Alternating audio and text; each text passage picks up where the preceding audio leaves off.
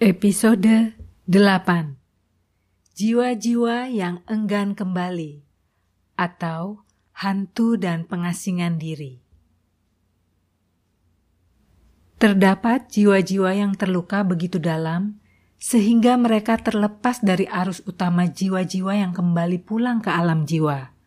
By Michael Newton. Pada utas sebelumnya, saya sudah memaparkan perjalanan jiwa sejak dari kematian hingga mendarat di alam jiwa. Bagi yang belum mendengar bisa meluncur ke episode 6 Kematian dan Perjalanan Pulang ke Alam Jiwa atau Death and Journey Back to the Spirit World. Kembalinya jiwa ke rumah sejatinya, alam jiwa, pasca mengalami kematian fisik, merupakan proses perjalanan yang normal bagi semua jiwa yang menjalani inkarnasi.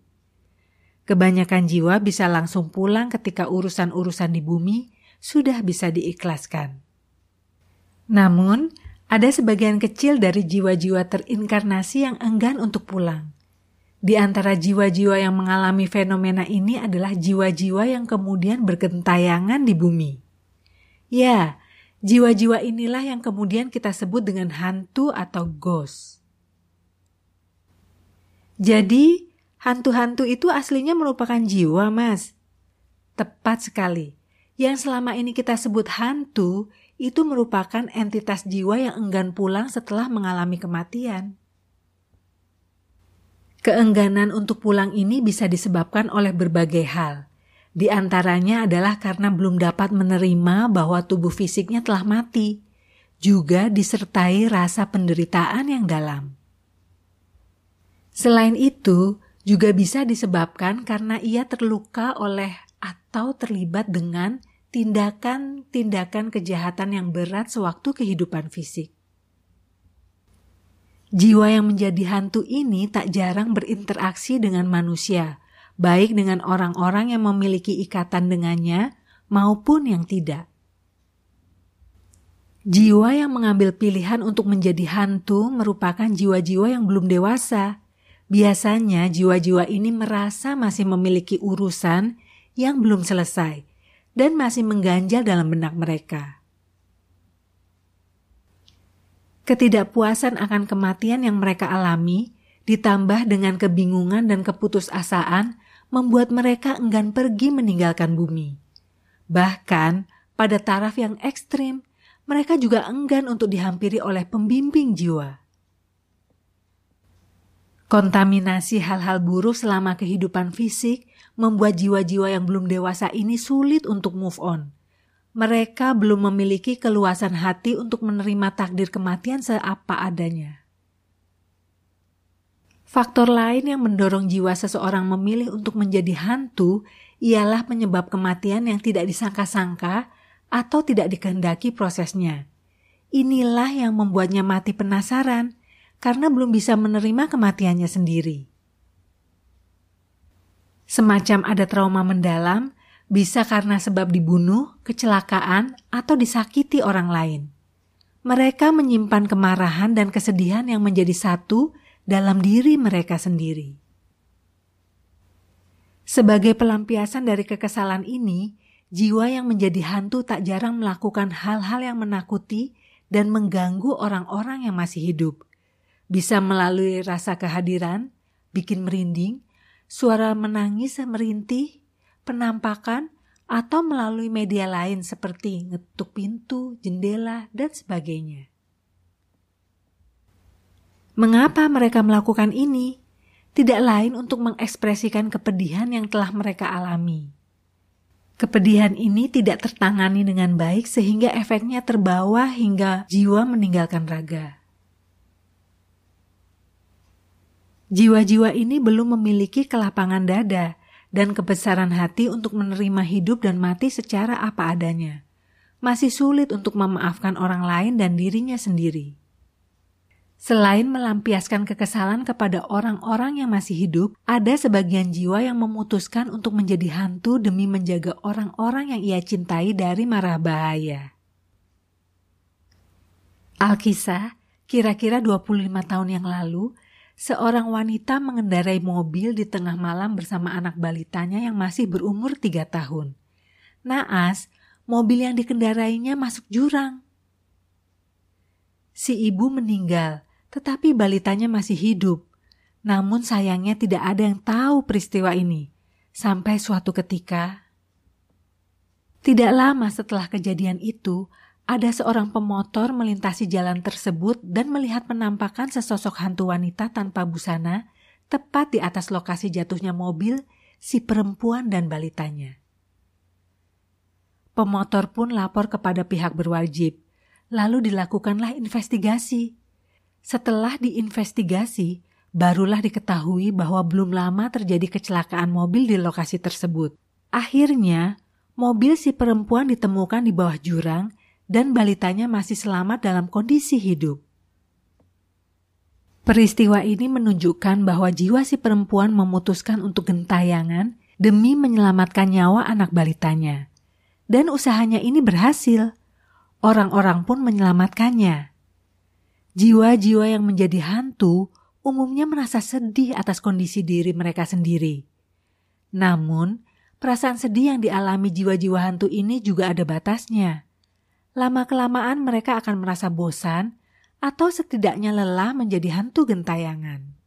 Nantinya, ketika mereka merasa sudah siap untuk kembali pulang ke alam jiwa, mereka akan dihampiri oleh pembimbing jiwanya sendiri atau jiwa-jiwa penyelamat setingkat master atau level 4, 5, dan 6 yang bertugas untuk menjemput jiwa-jiwa tersesat seperti mereka.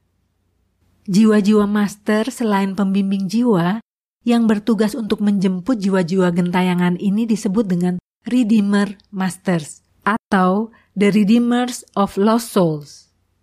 Mereka adalah rescuers, yakni para penyelamat bagi jiwa-jiwa yang tersesat. Secara ramah, master-master ini akan datang dan bertanya, Udah cukup nangisnya? Udah cukup gentayangannya? Udah puas ngisengin orangnya? Kalau udah, ayo pulang. Selain Rama, Redeemer Master atau RM atau The Redeemers of Lost Souls atau Trolls sering kali bertingkah lucu. Hal ini tidak lain agar jiwa yang sedang dijemput dapat berkurang kesedihannya dan merasa terhibur. Mereka juga bersikap lemah lembut dan bijaksana. Setelah dijemput oleh RM atau Trolls, jiwa hantu kemudian dibawa ke sebuah tempat yang indah, nyaman, dan menyenangkan. Tempat ini seperti padang rumput atau taman yang dipenuhi oleh bunga-bunga. Lokasi ini masih di bumi. Jiwa hantu bebas bermain-main di tempat itu sesukanya.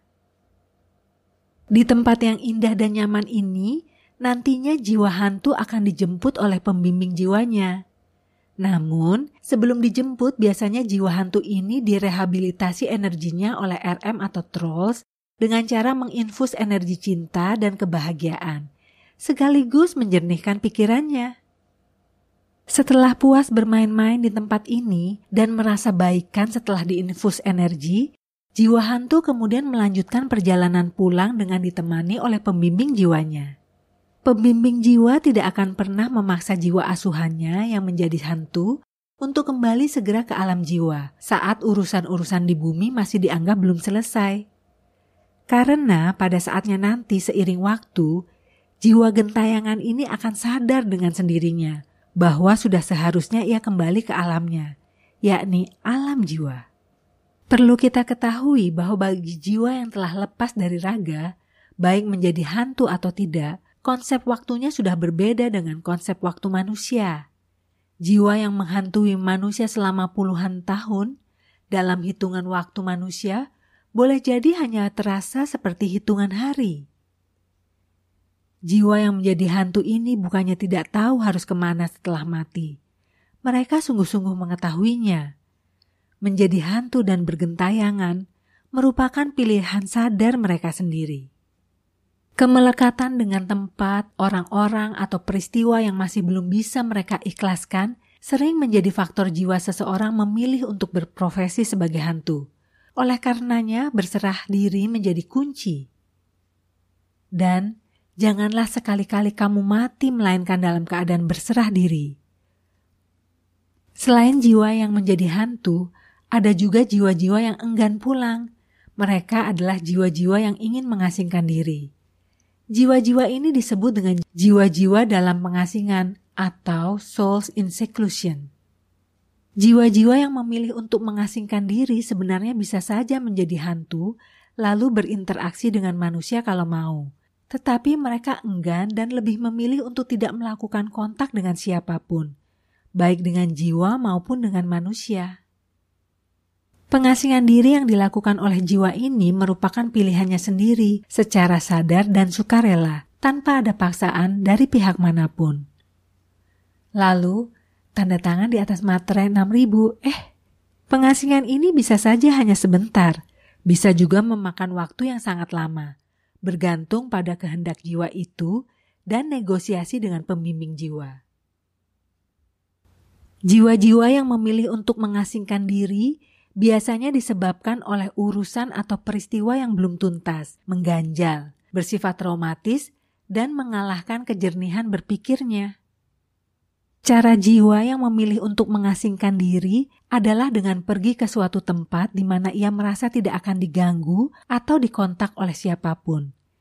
Di lokasi ini, kemudian ia membuat realitas lokasinya sendiri. Realitas lokasi ini didesain oleh jiwa bersangkutan dengan maksud untuk melakukan perenungan. Adapun bentuk dan coraknya bergantung pada memori semasa hidup yang telah mereka lalui. Bagi jiwa yang ingin menenangkan diri di tempat yang tenang dan nyaman, mereka sering kali mendesain realitas lokasi seperti taman. Sedangkan bagi jiwa yang betul-betul ingin mengurung diri, biasanya mendesain lokasi seperti penjara, ruang gelap, tertutup, sempit, tanpa pintu dan jendela. Mas, mas, tanya dong mas, pembimbing jiwa kan sakti mas, Kenapa jiwa-jiwa yang mengasingkan diri dan yang jadi hantu itu nggak dipaksa pulang aja, diseret gitu sama pembimbingnya? Gini loh dek, pembimbing jiwa itu bersifat permisif. Ia hanya menjelaskan konsekuensi dan sisi positif negatif dari opsi-opsi yang ada. Pilihan seutuhnya ada pada jiwa bersangkutan. Biarkan jiwa mencari jalan lurusnya sendiri, walaupun harus nyasar-nyasar dan berbelok-belok terlebih dahulu. Melalui pengasingan diri yang dipilih sendiri, pada saatnya nanti jiwa akan tersadar bahwa perkembangan diri atau jiwa tidak akan bisa diraih secara sendirian. Jiwa tetap butuh bantuan dan support dari pembimbing dan rekan-rekannya di alam jiwa.